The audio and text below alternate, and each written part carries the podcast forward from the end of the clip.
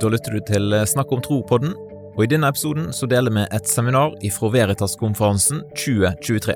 Veritas-konferansen er et samarbeid mellom Bibelskolen i Grimstad, Laget og Kommunikasjon og livssynsstudiet ved NLA Kristiansand. For mer informasjon, sjekk ut veritasnorge.no.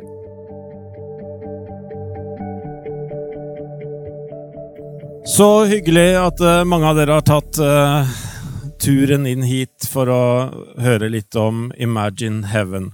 Uh, mitt navn er altså Tom Arne Møllebråten. Jeg er til daglig lærer på Sagavold folkehøgskole. landets eldste kristne folkehøgskole. Vi er stolte av det. og der har jeg undervist i apologetikk siden 2000, så jeg har, er i gang med mitt 24. år med apologetikk der. Um, etter hvert så har jeg blitt uh, mer og mer opptatt av CS Lewis. Uh, og jeg har årlige reiser med elever fra Sagavoll til, til Oxford, hvor vi setter oss litt inn i CS Lewis, og bl.a. til hjemmet hans, The Kilns, og går rundt i Oxford universitet og sånn. CS Lewis er en mann som fascinerer meg, uh, fordi han er jo han er jo ikke en utdanna teolog. Eh, han er jo litteraturviter. Samtidig som han er jo en skarp teolog i å tenke og formulere kristen tro. Um, og akkurat det er veldig spennende. Men han er helt tydelig selv på at han er amatør innenfor teologi. Og da er det utrolig morsomt at uh, superproffe folk som Alistair McGrath og Tim Keller, som død, nylig døde, og mange andre store teologer og forkynnere eh, faktisk eh, har C.S. Lewis som en, som en, viktig inspirasjonskilde. Litt oppgaven eh, jeg fikk i dag, det var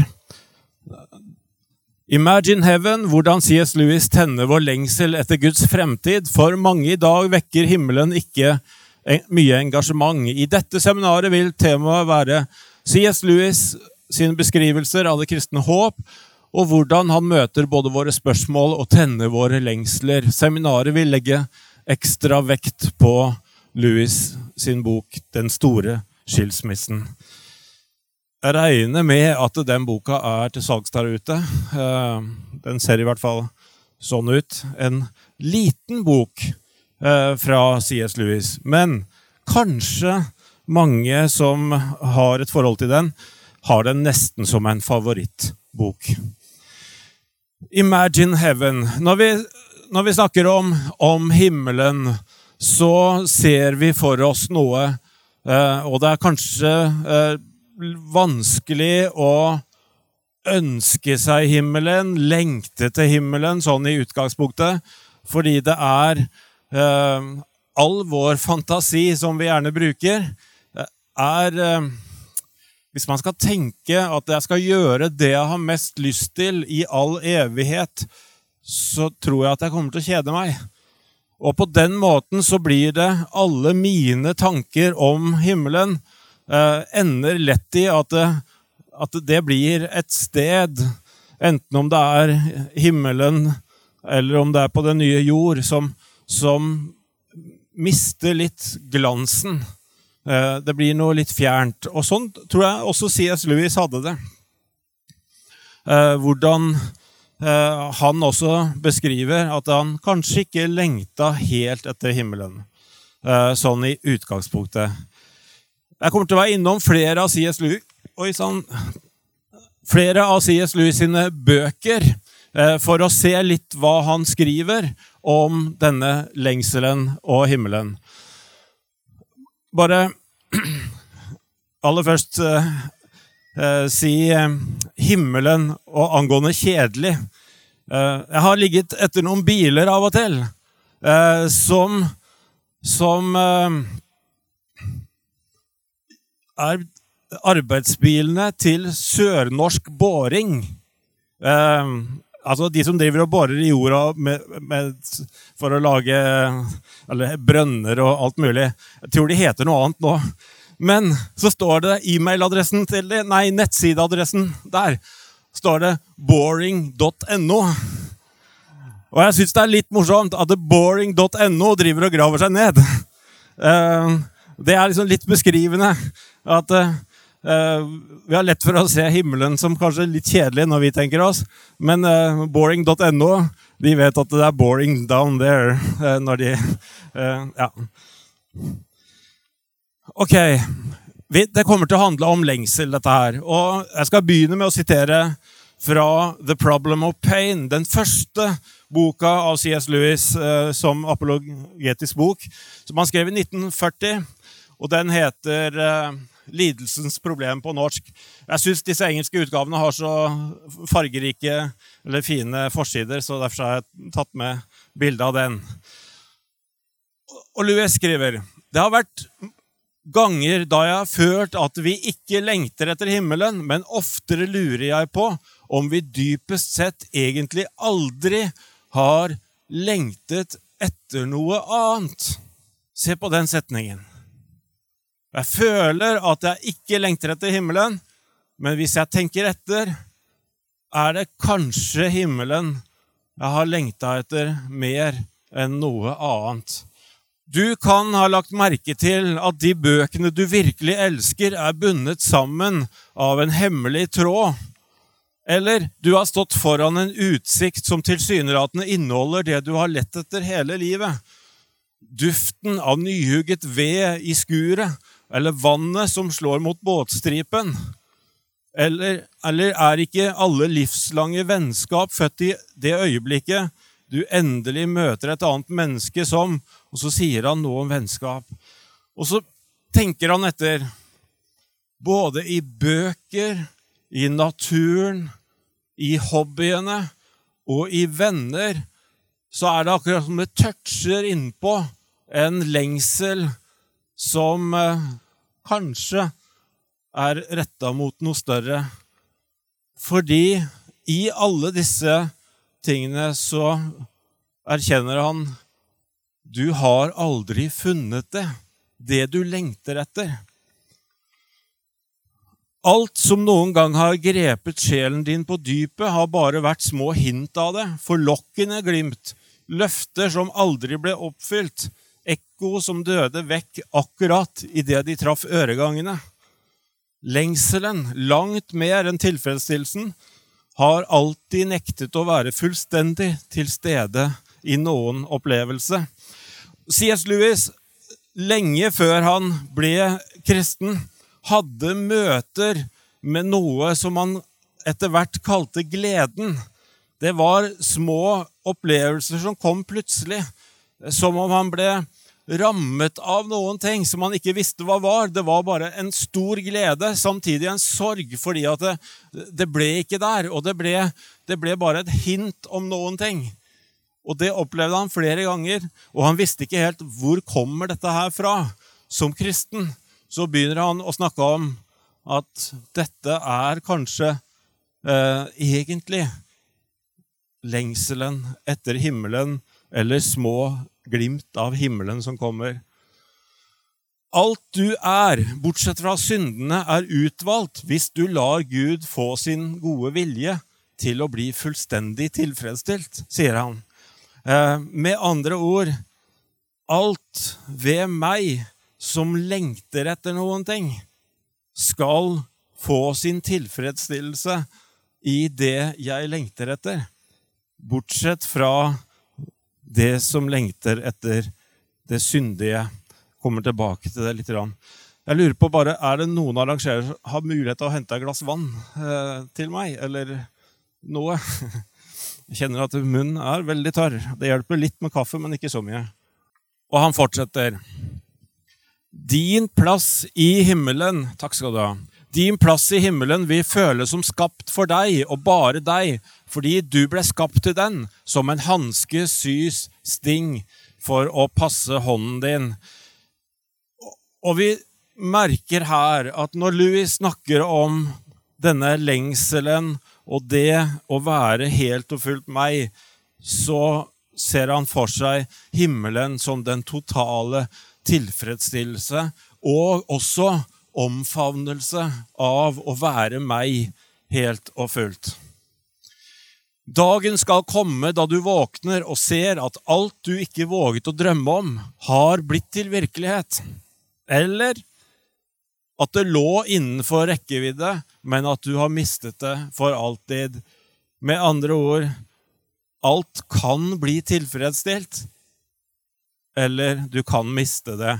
C.S. Lewis eh, holder eh, tanken om to utganger av livet åpen.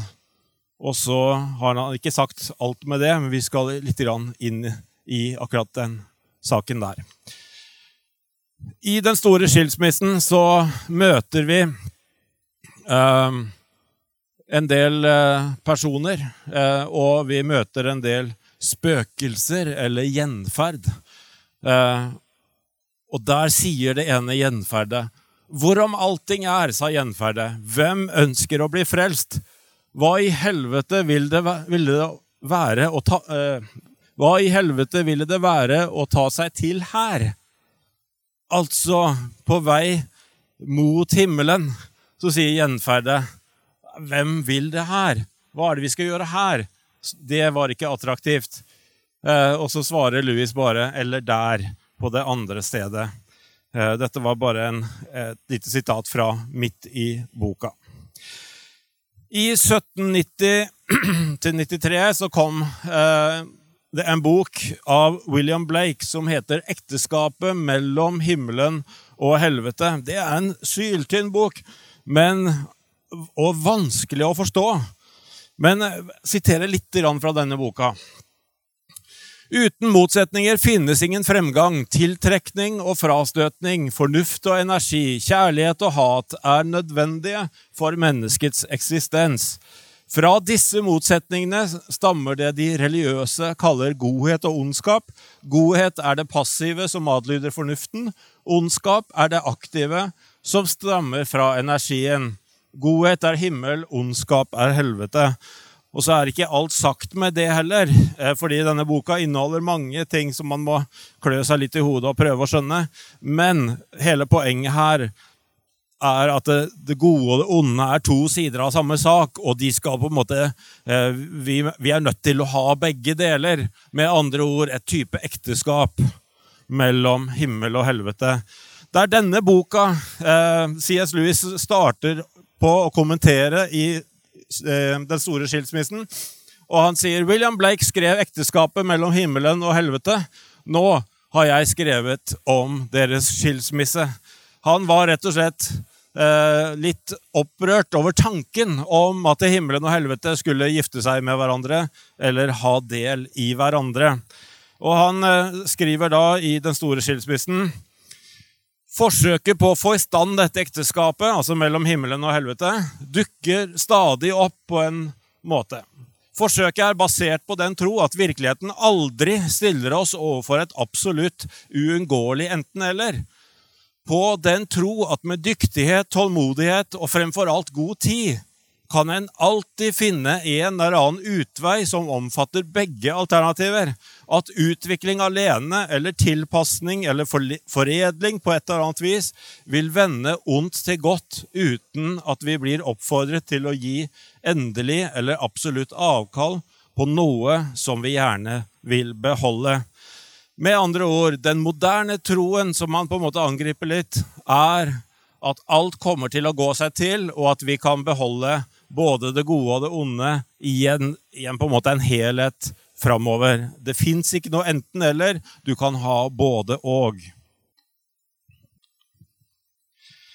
Nei, vi lever heller i en verden hvor alle veier etter noen få kilometer deler seg i to, og hver av disse i to igjen. Og ved hvert veiskille eh, må vi ta en avgjørelse.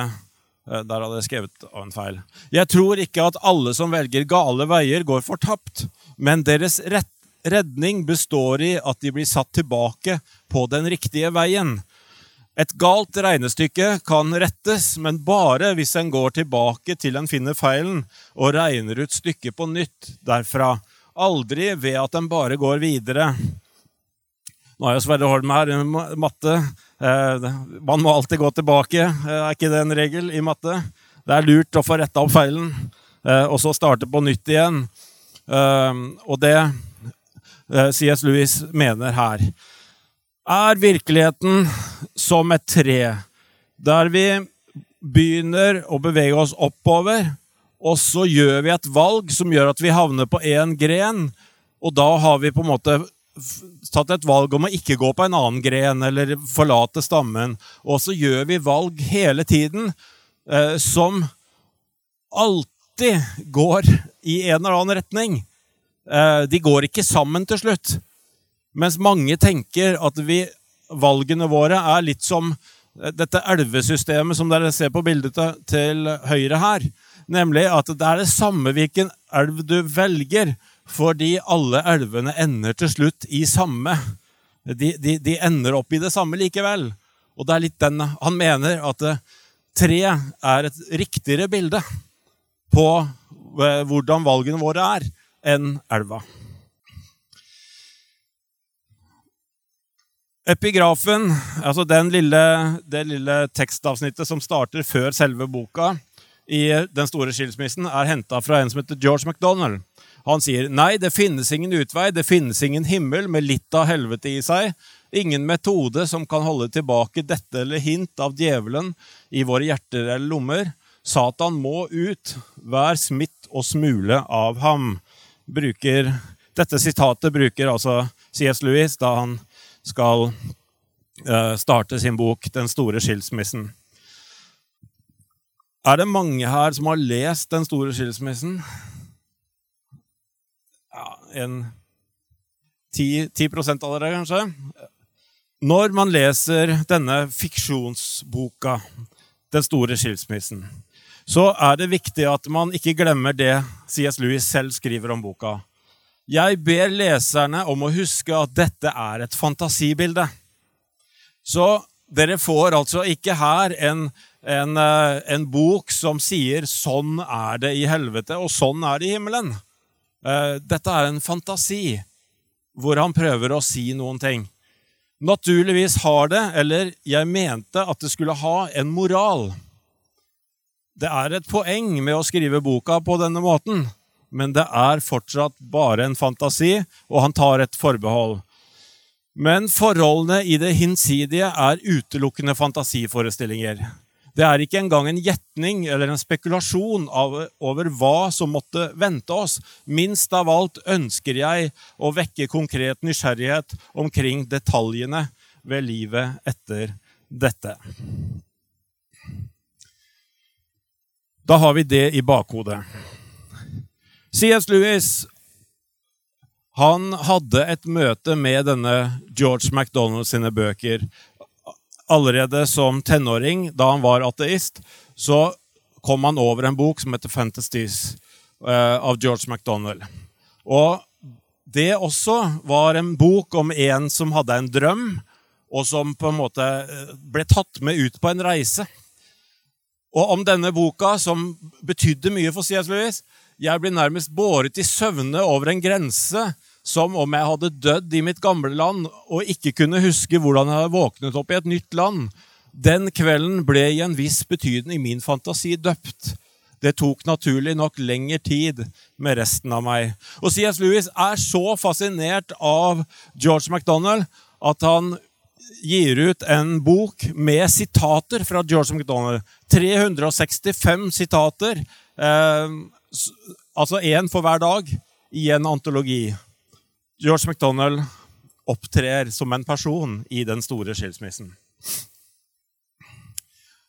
George MacDonald, I et av de sitatene som C.S. Lewis eh, refererer, så sier han det ene prinsippet i helvete er 'jeg er min egen'. Eller 'jeg har nok med meg selv', eller noe sånt. Ok. Så må vi også nevne Dantes guddommelige komedie. Ingen bok var viktigere for C.S. Lewis enn Dantes uh, store, fantastiske bok, Den guddommelige komedie. Uh, som 19-åring, ateist, så uh, lærte han seg Louis altså, lærte seg italiensk på sju uker hos sin privatlærer Kirkpatrick. og så leste han Den guddommelige komedie Eh, på italiensk. Og ble fascinert, og gjennom hele livet kom han tilbake til denne boka. Og dette er også en av bøkene som har stor innvirkning på den store skilsmissen. Um, Dante Algieri eh, forteller om en reise som eh, han blir tatt med. Eh, også det er en slags drøm, så vi kjenner igjen på en måte noe her. Først blir han tatt med til inferno, eller til helvete. Og så møter han masse mennesker der, som, av kjente folk og folk han kjente, og kjendiser, som har havna i helvete på ulike steder. For hver, hvert sted har på en måte sin plass der, uh, ut fra hva du hadde gjort i livet. Så blir han, uh, Og den som leder Dante her, uh, det er Vergil, som som eh, den store forfatteren som skrev Eneiden, som også C.S. Lewis eh, kunne gått. Eh, og så blir han ledet Etter å ha vært i helvete, så blir han ledet opp i purgatoriet. Altså det vi kan kalle, kalle det skjærsilden, men det er ikke riktig. For det, det, det, er liksom ikke bare ild. Det er, det er en prøvelsessted hvor alle som skal til paradis, må gjennom, og så må de ut, uh, utholde en del smerte ut fra hva de har gjort uh, i dette purgatoriet. Og til slutt så uh, er det Paradiso som er den siste boka, siste delen, hvor han blir tatt med opp i himmelen. Med andre ord, Dante skriver om en ferd som han blir tatt med fra helvete til himmelen. Dette ligger i bakgrunnen. Når vi leser Den store skilsmissen, og hvis du leser Dante etterpå, eller motsatt, så vil du se at noen av scenene i den store skilsmissen er henta fra Dante. Eh, Sterkt inspirert av Dante. Som Dante blir ledet gjennom helvete og opp til purgatoriet av Vergil, eh, og så kommer det en ny stjerne som, de, som leder han opp i paradis, som heter Beatrice. Slik eh, er det McDonald, George McDonald som skal lede Louis opp dit eh, til paradis da, i den store skilsmissen. Um, I tillegg så ligger det som bakgrunn i denne boka den, uh, uh, en annen veldig kjent bok av John Milton som heter 'Paradise Lost', eller 'Det tapte paradiset'. Også dette holdt CS Lewis veldig, veldig høyt. Jeg skal hoppe litt nå. Eh, C.S. Lewis skrev et forord til Paradise Lost som heter 'Preface to eh, Paradise Lost'. Og så skriver han noe om hva er for noe viktig som, som er i Paradise Lost. Jo, Gud skapte alt uten unntak godt. Ondt betyr bare mangel på det gode. Det vi kaller onde ting, er gode ting pervertert. Det gode kan eksistere uten det onde, og det gode og gode og onde engler er av samme natur. Fallet besto i ulydighet, men skyldtes stolthet, pride. Vi skal nå bevege oss inn i den store skilsmissen. Vi skal bare ta med dette som, som ligger litt i bakgrunnen for den store skilsmissen også. Den store moralen som hersker i Milton, er den mest universelle og mest nyttige som kan tenkes. At lydighet mot Guds vilje gjør mennesker lykkelige og at ulydighet gjør dem ulykkelige. Dette er setninger som ligger til grunn når han nå begynner på sin drøm. Ønsker du å lære mer om kristen tro, og kanskje ha en digital dialog med en kristen e-coach? Sjekk ut nettkursene på kurs.omgud.nett. Eller kanskje kjenner du noen som kunne hatt glede av et sånt nettkurs? Da håper jeg at du har lyst til å sende deg et tips om den muligheten. Nettkurset er selvfølgelig 100% gratis.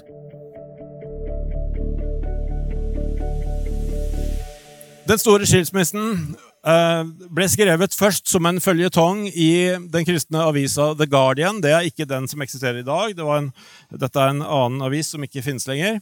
Eh, og han holdt på fra 44 til 45 med, med liksom ukentlige um, kapitler der. Originalens tittel var 'Who Goes Home', men vi, når forlaget ville ha den ut, så ble det 'The Great Divorce'. Den kom ut som bok i 1946.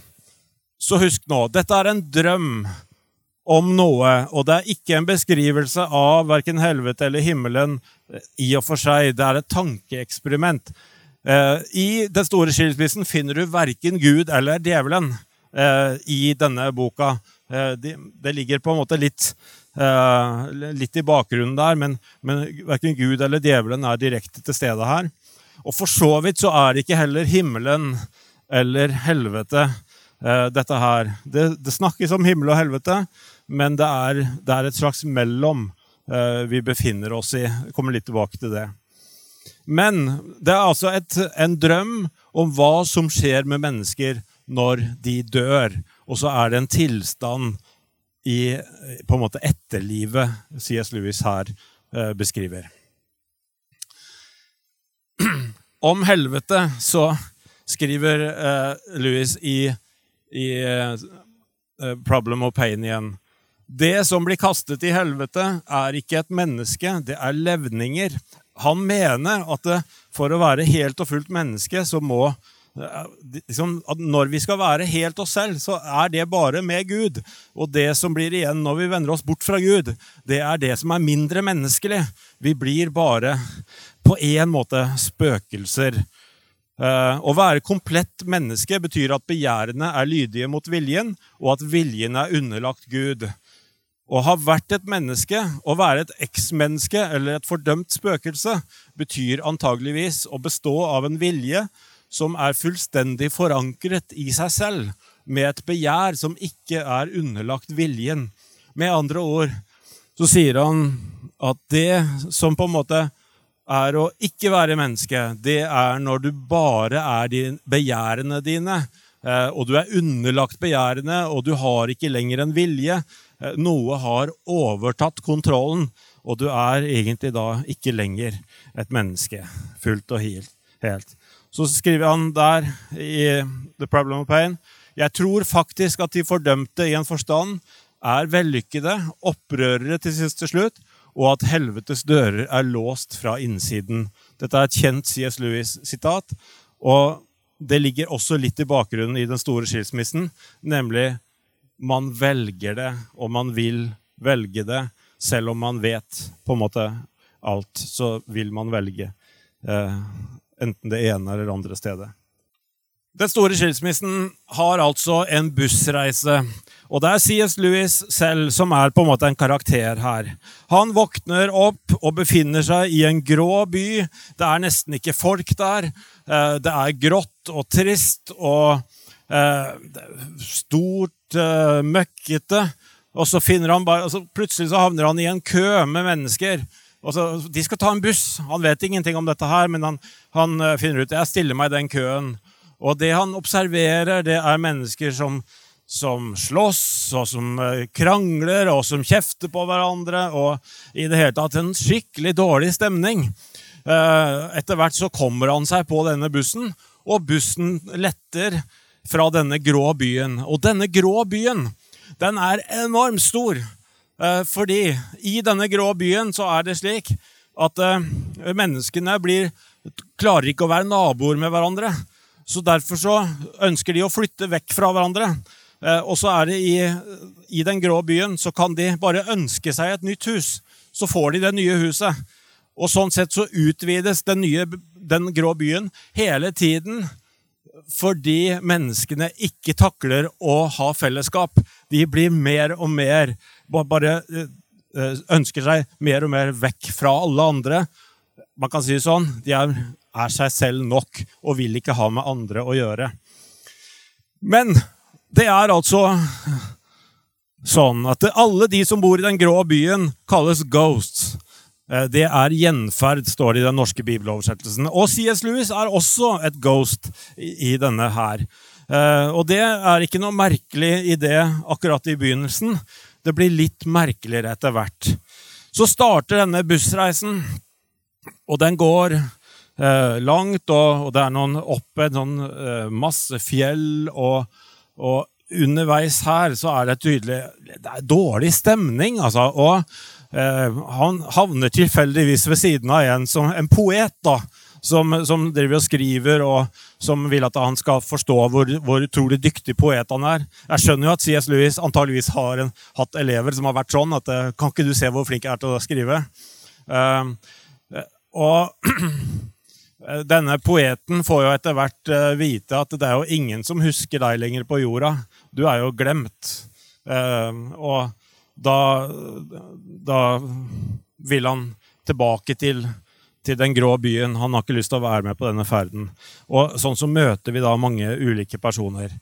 Um, C.S. Lewis er altså selv et uh, gjenferd.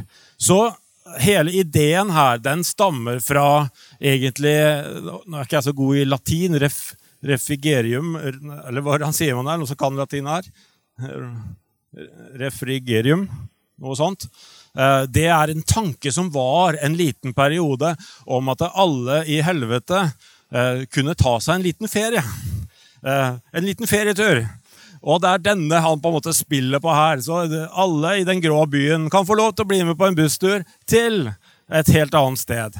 Og så lander de da etter hvert på en Altså i naturen.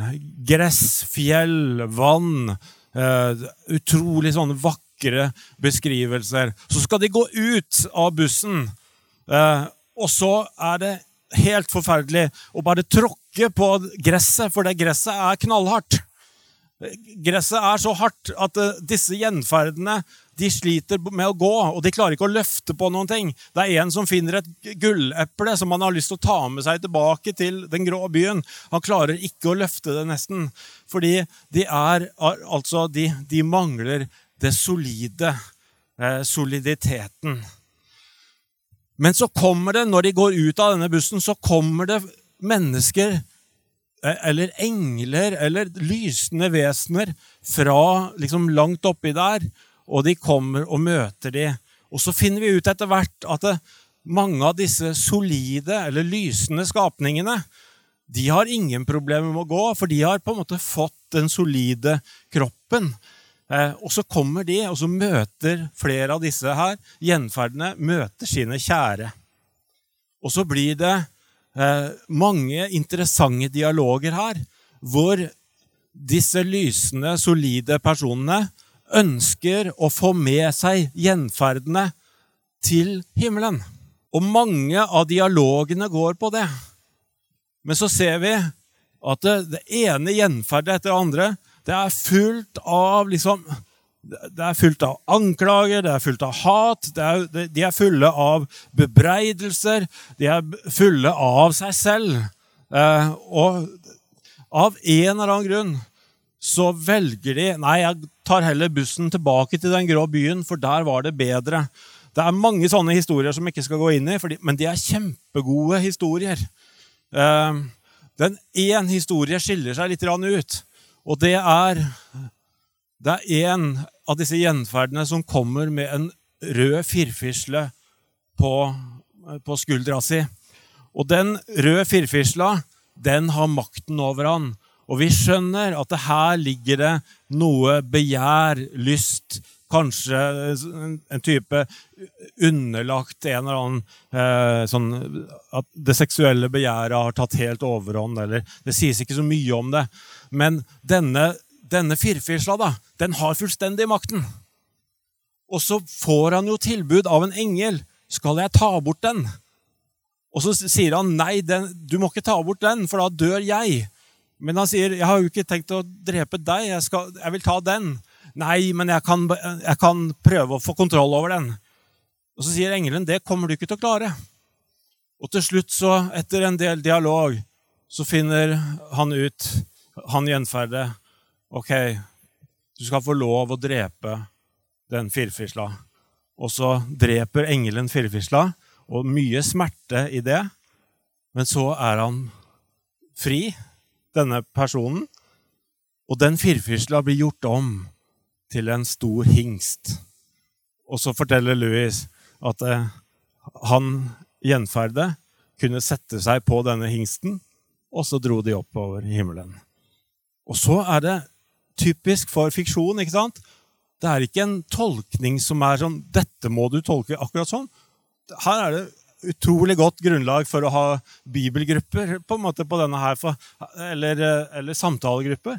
Her kan dere bare stoppe opp ved hver dialog, og så kan dere tenke hva er dette handler om? Hvorfor i all verden valgte ikke denne personen å, å bli med videre opp til, til himmelen? Eh, hvorfor velger alle sammen å gå tilbake til den grå byen? Er ikke dommen endelig, spør C.S. Lewis når han treffer MacDonald. Er det virkelig en vei fra helvete til himmelen? Det kommer an på hvilken måte du bruker ordene på. Hvis de legger den grå byen bak seg, har den ikke vært helvete. For enhver som forlater den, er den purgatoriet. Og du burde kanskje ikke kalle dette landet himmelen, ikke den dype himmelen, forstår du.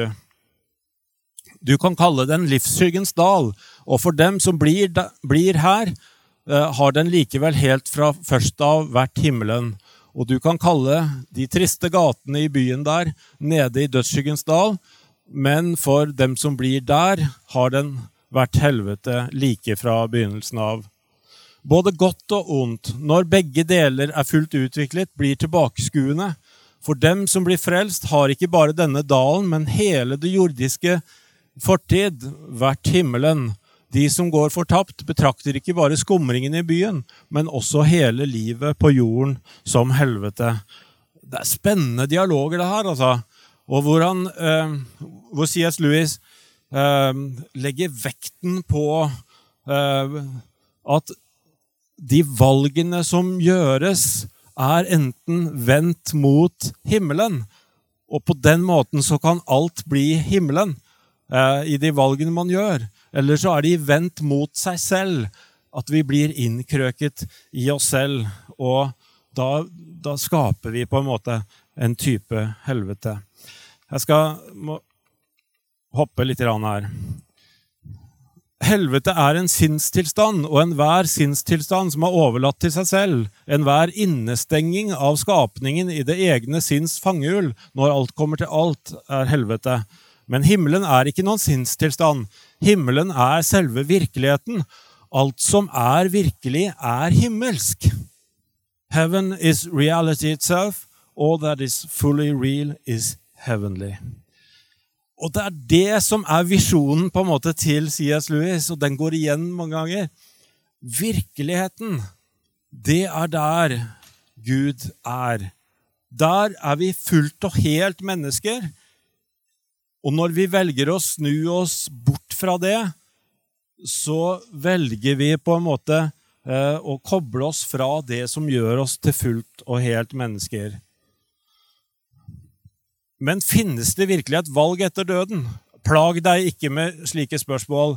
Du kan like fullt ut forstå forholdet mellom valg og tid før du Nei, du kan ikke fullt ut forstå forholdet mellom valg og tid før du er hinsides begge. Og du ble ikke ført hit for å studere slike kuriositeter. Det som angår deg, er hva selve valget består i, og du kan se på dem når de treffer det. Hele boka til Den store skilsmissen er den med på å, å gi oss på en måte lysten til himmelen.